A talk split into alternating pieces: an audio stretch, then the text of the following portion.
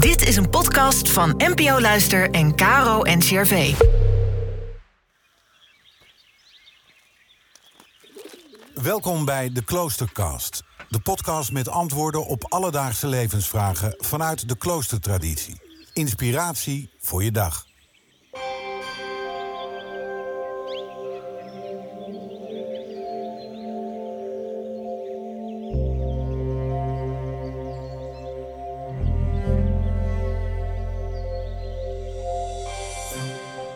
Zuster Monica Raas is canonicus van het Heilig Graf. Een kloosterorde die leeft volgens de regel van Augustinus. Vanuit haar kapel in Breukelen geeft Monica een ode aan de vriendschap.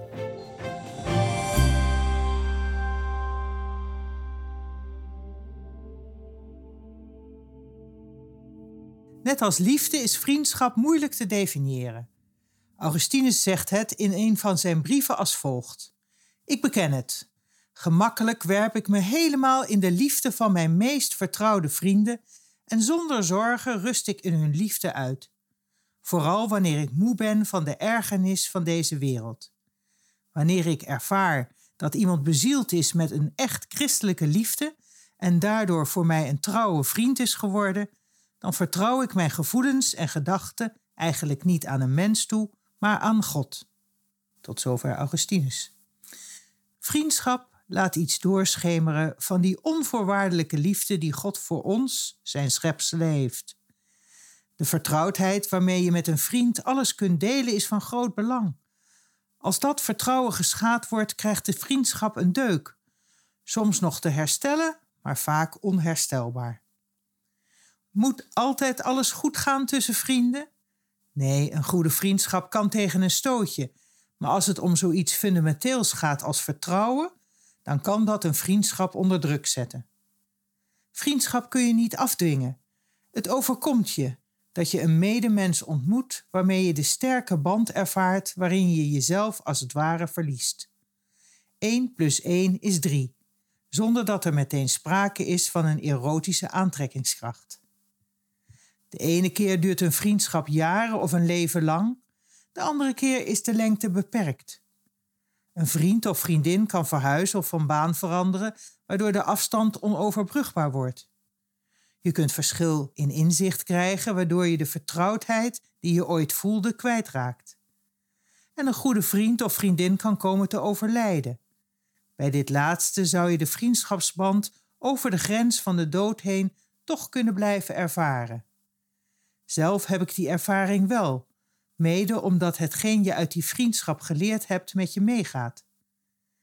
Van een vriend waarmee ik een diepe spirituele band had en die nu is overleden, heb ik geleerd meer te zwijgen, meer te luisteren.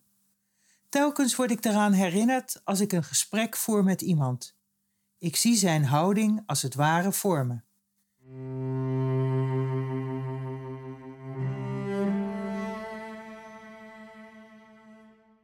Een goede vriendschap vormt je om in de richting van de ander en ook wel in de richting van de ander met een hoofdletter, van God. Zoals Augustinus dat beschrijft, je herkent in je vriend of vriendin de liefde die God in ons mensen heeft gelegd en die in die vriendschap vorm krijgt. Vriendschap wil niet zeggen dat je alles van die ander goed vindt.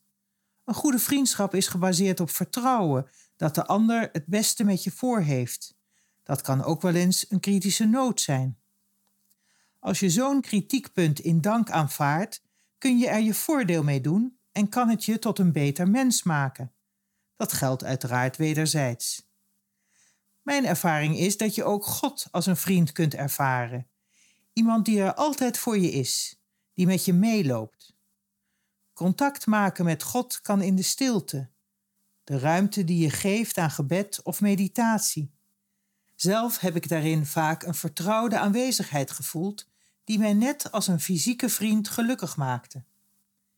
In de tijd dat ik in het klooster woonde, ging ik s'avonds naar de kerk die donker was en waarin alleen het kaarslicht van de godslamp te zien was.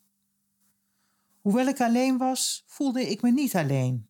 Ik voelde Gods mantel om mij heen geslagen. Terugkijkend op dit soort momenten kun je zien dat er iets gebeurde dat je weer moed en energie gaf om verder te gaan, of een inzicht om iets wel of niet te doen.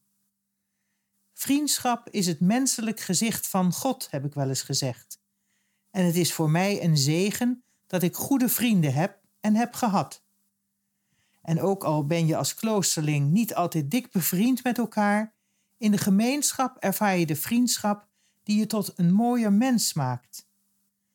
Dat ervaar je zelfs als je met religieuzen van diverse kloosters bij elkaar bent. En dat is een enorme rijkdom. In gesprek met God bid ik: Goede vriend, in uw onuitputtelijke liefde voel ik mij geborgen. Met de mensen om mij heen die uw liefde uitdragen, voel ik mij gezegend. Door uw goddelijke vriendschap voel ik mij niet alleen. Dat we samen verder mogen gaan, voor nu en altijd.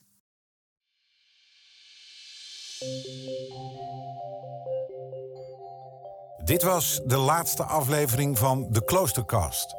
Kun je er geen genoeg van krijgen? Je kunt alle afleveringen nu terugluisteren in je favoriete podcast-app. Heel graag tot het volgende seizoen van de Kloostercast. Een podcast van Caro en CRV.